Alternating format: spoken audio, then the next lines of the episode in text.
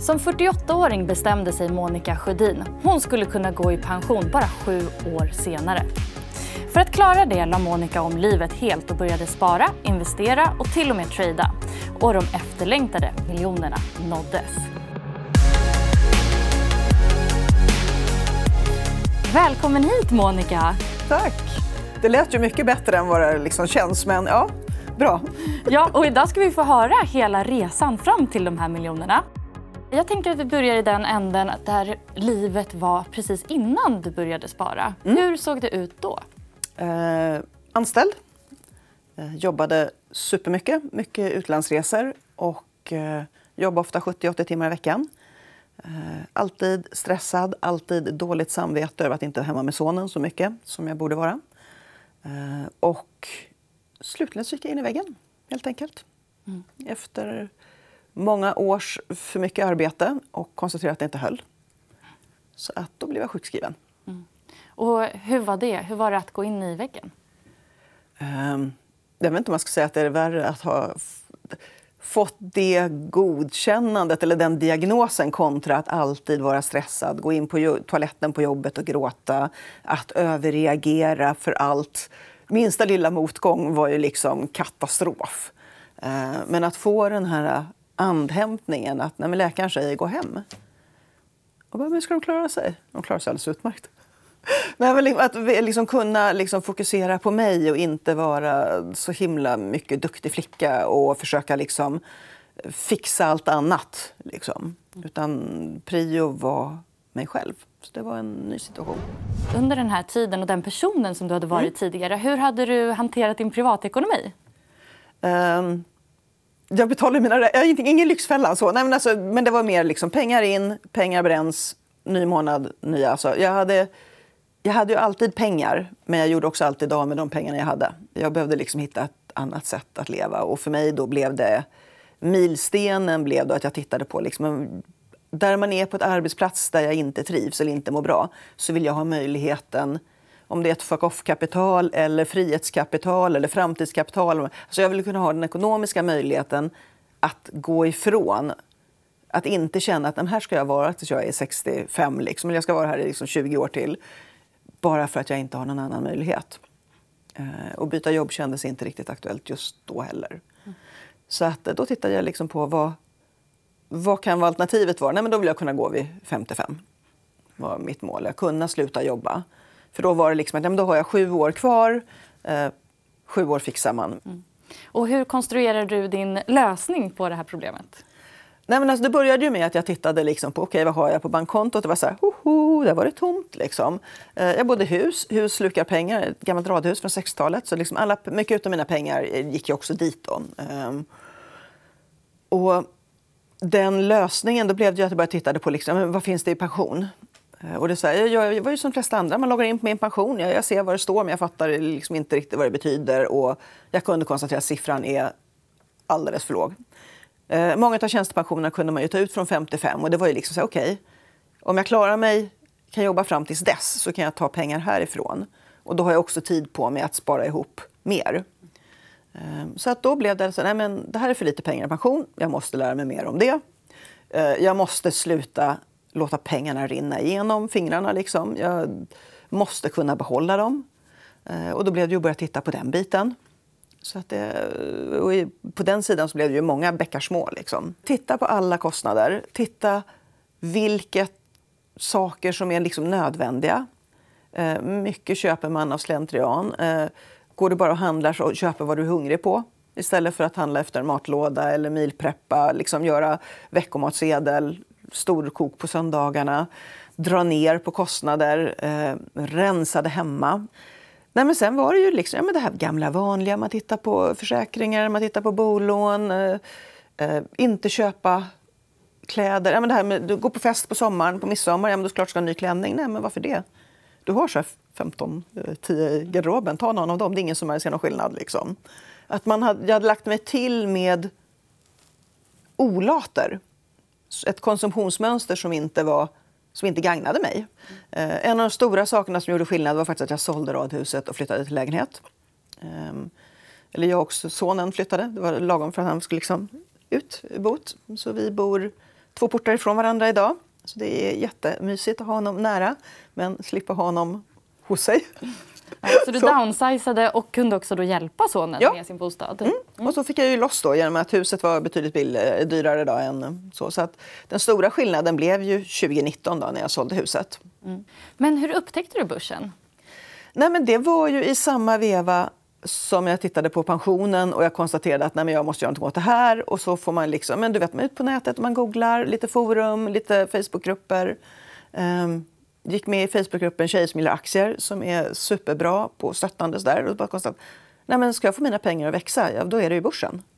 Men ungefär hur mycket pengar behövde du för att klara det? Uh, jag hade inte räknat på det sättet. Eh, och genom att jag inte först i början hade riktigt koll på hur mycket jag kostade eh, så fanns det liksom inte en sån där summa. Liksom, att ja, men, du måste ha så här mycket. Utan det fick bli vad det blev. Och jag menar, när jag var kostade som värst och när jag hade hus, ja, men då kostade jag kanske 30-35 000 i månaden. Och idag kanske jag kostar mellan 15 och 20. Hur motiverade du dig att fortsätta spara och investera hela tiden? Hur såg din drömbild ut? Fast det var ju den här att jag ska kunna gå. Att ha, den val, att ha valfriheten, att inte känna mig trängd. Så. Eh, ja, det var inte så att jag behövde sen jag ska ha ett liv med massa pengar. För det, liksom, det var inte det, utan jag vill kunna bestämma själv. Mm. Um. Kände du att du missade saker på vägen eller offrade nåt? När det sparades som mest, ja. Uh, och samtidigt så blev det ju ett sätt att värdera kostnader. När mina tjejkompisarna åker upp till Sälen eller Åre som de gör varje år. Och det säger, ja, fast det är fyra dagar och det kommer kosta 10 000 eller 8 000. Och så här, bara så här, nej men det är inte värt det. Jag träffar de här tjejerna hemma och jag älskar dem. Men då tar vi en tjejmiddag, vi kan ta den hemma hos mig. Och jag kan fixa middag liksom. Men att man liksom gjorde en värdering av aktiviteter istället hela tiden. Som var att man valde det som var gav mer. Det känns som att du skaffade väldigt mycket självförtroende och mod under mm. den här tiden. Från ingen kunskap om ekonomi och börsen egentligen till att både driva företag och eh, vara en investerare som föreläser om ja. det. Eh, vad är det som händer i dig när det här sker? Ja, nej, men jag hade företag när jag var 23. Jag hade ett litet taxifirma med tio anställda. Eh, men det var liksom bara något som man gjorde för att jag inte förstod bättre. tror jag. Eh, nej, men ekonomin, jag har alltid... Jag läste ekonomi tidigare och jag pluggade till revisor ett tag då på högskolan innan det blev IT istället. Då. Så att ekonomin har intresserat mig, men inte min privata ekonomi. Om man uttrycker det så. Mm. Eh, och sen tror jag att den här coachningen och överlevnadsinstinkten att det är ju liksom lite det här fake it till you make it i... Nej men alltså att vara en... Gud, det här är skitsvårt att säga. Nej men... Um, jag kunde ju mitt jobb. Det var ju bara att paketera det så att någon annan såg det attraktivt. Liksom. Um, och det gjorde ju folk, eller företag då, uppenbarligen. Så att det var himla lönsamt och i takt med det så växte också självförtroendet och i takt med att jag konstaterar att andra vill ha min kunskap även inom då pensionsfrågorna till exempel, så växte ju kunskap och liksom viljan att lära sig mer. Jag är väldigt faktaorienterad så jag vill kunna ha liksom veta vad jag säger och vad jag gör och är väldigt noggrann på den biten. Liksom. Och då blev det mycket att man läste på ordentligt och kunde. Och kan man sina saker så är man trygg på ett annat sätt i det man säger. Mm. Ja, för du har ju startat utbildningsplattformen Pensionsguiden. Ja. Eh, hur kom det sig? Nej, men alltså, det var nog att jag började med att jag hjälpte kompisar. Så, men du, som, du som kan det här. Och jag hade ju lagt ner hundratals timmar på att fatta min egen pension. Eh, och då var det klart att jag hjälper till. Och sen konstaterade jag att ja, det, ju, det här är ju faktiskt ingenting som är unikt för mig. Men varför ska alla andra behöva lägga ner flera hundra timmar på att komma på samma nivå? Liksom? Utan det krävs ganska lite för att kunna ganska mycket om sin pension. Då. Många gånger, framförallt kvinnor, Eh, upplever ju en väldigt stor oro över pension. Och det gör att man inte gör någonting. För att du hamnar liksom i den här paralyserings... Nej, men jag vill inte veta. Det är så illa. Och så tittar man så här, men, men Monica, jag har ju pengar här. Och, men det här är ju inte så dåligt. Liksom. Och så finns det ett lugn. Och även om det kommer fram att det är dåligt så har de ett fakta att ta ställning till och kan göra åtgärder med tiden. Liksom. Mm. Så att det, jag tycker det är, det är super, super kul. Liksom. Och det är inte så många som pratar pension. Nej, Det är det inte. Och det är inte heller alla som tradar. Mm. Hur viktig har tradingen varit för eh, sparresan? Som så? Nej, men den har ju varit en... Um dels är den viktig tycker jag, för förståelsen för att förstå börsen med den liksom tekniska analysen. För där har du ju bara mer egentligen den tekniska. Medan allt på den här långsiktiga som jag läste om, den långsiktiga, då är det ju mer den liksom fundamentala analysen när man tittar på bolaget. Så att de kompletterar varandra bra.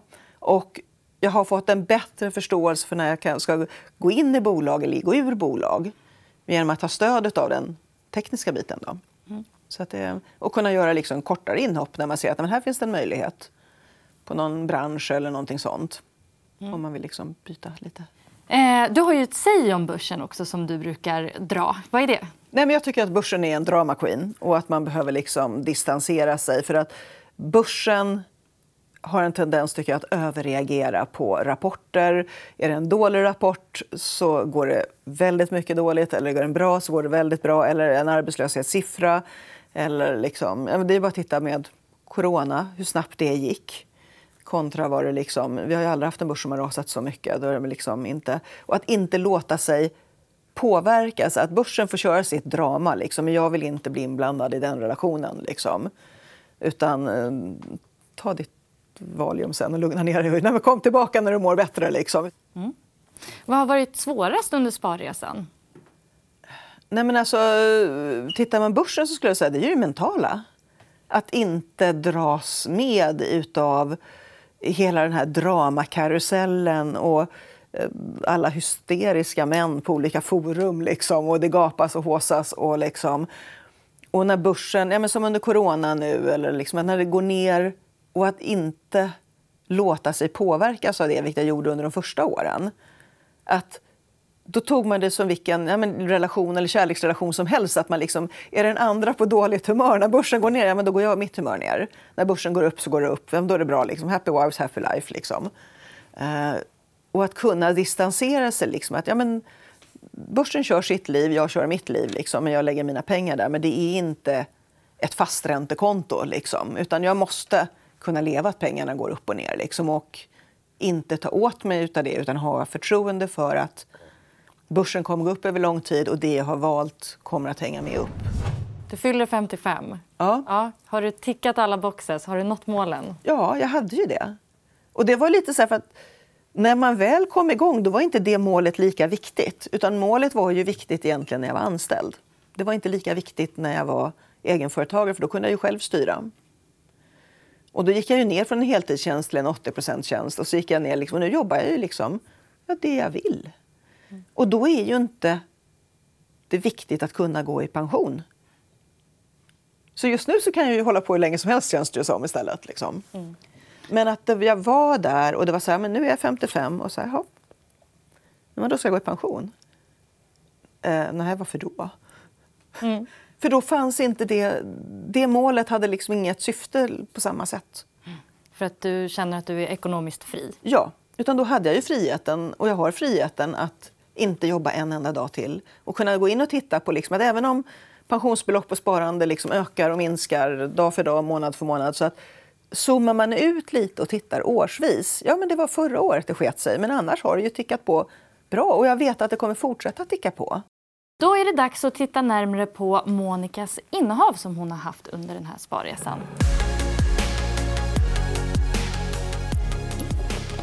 Här har vi ett urval av de innehav som du hade i din portfölj när du började din sparresa. Mm. Eh, det är ju såklart inte alla. Eh, men kanske skvallra någonting om vem du var som investerare då. Hur skulle du själv beskriva din investeringsstrategi här? Nej, men I början så fanns det ingen strategi. Jag kunde ju ingenting. Eh, så att Securitas var faktiskt mitt absolut första köp. Eh, för då hade jag lärt mig att man ska köpa aktier. Eh, hade jag gett någon ett råd idag så hade jag sagt köp fonder. Men eh, Securitas eh, ja, men de väktade på vårt jobb och eh, värdetransporter och så. Så att det kändes tryggt och bra. Eh, hade inte läst någon årsredovisning, inte kollat något teknisk analys. utan Det var så här, det blev bra. Eh, andra bolag jag köpte var ABB, tror jag. faktiskt. Alltså det var lite de här lite större. Så. Eh, första fonden blev Swedbank Robur Technology, alltså global teknikföretag. Och det kanske inte kändes helt långt från dig heller som IT? Nej. Så det var ju liksom att dels eh, jag gillar teknik. Eh, jag gillar, det, var liksom, det är det området jag kan. Så att det föll sig naturligt. Och sen har vi haft många jättebra teknikår.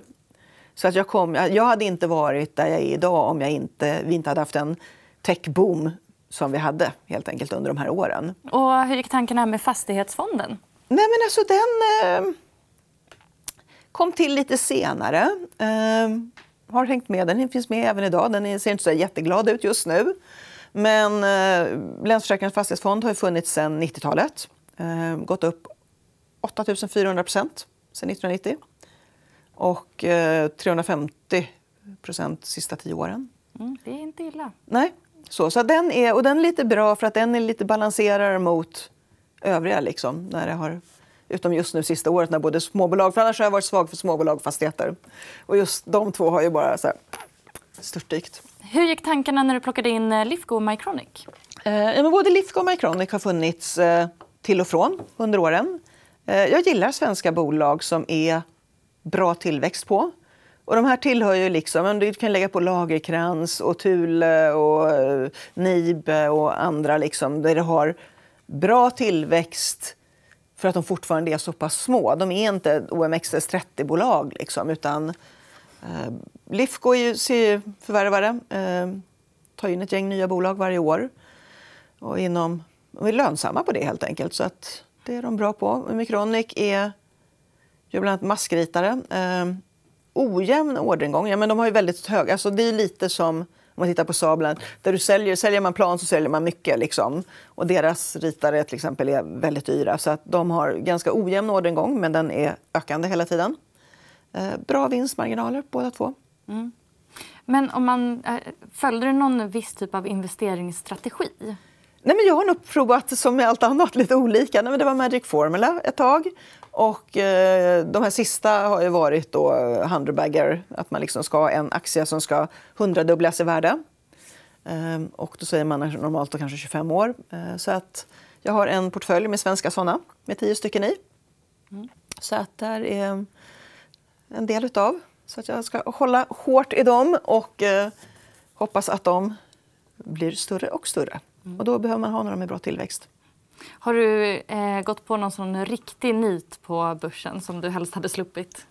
Fast det har man väl gjort alla. liksom så Nej, men alltså, man har gjort, köpt för små bolag eh, som gått åt skogen. Jag hade Bioaktigt, tror jag. Eh, eller, ja. Nej, men olika där du har köpt eh, och sen finns det ingen affärsidé bakom. Försvinner allt i stort sett. Eh, köpt vid nyemissioner eller IPOer som har gått åt skogen. Eh, tagit för mycket risk skulle jag vilja säga generellt. Tagit för stora positioner. Att man tycker så här, gud vad bra, och det bara går upp, det bara går upp, jag köper mer och köper mer och sen går åt skogen. Eh, så att det förälskar sig i sina innehav. Att man alltså träffar, när man är ute på de här företagspresentationerna och träffar en dynamisk vd eller företagsledare och som är så här superengagerad och då blir man liksom man får, speciellt på de här mindre bolagen, för då är de ju väldigt personliga. De svarar på mejl och man liksom, de svarar på frågor och man känner igen varandra. Liksom. Och då blir det lätt att man är lite väl... Att man inte är riktigt så klarögd som man kanske skulle vara. Tusen tack för det, Monica, att du delade din resa till miljonerna med oss.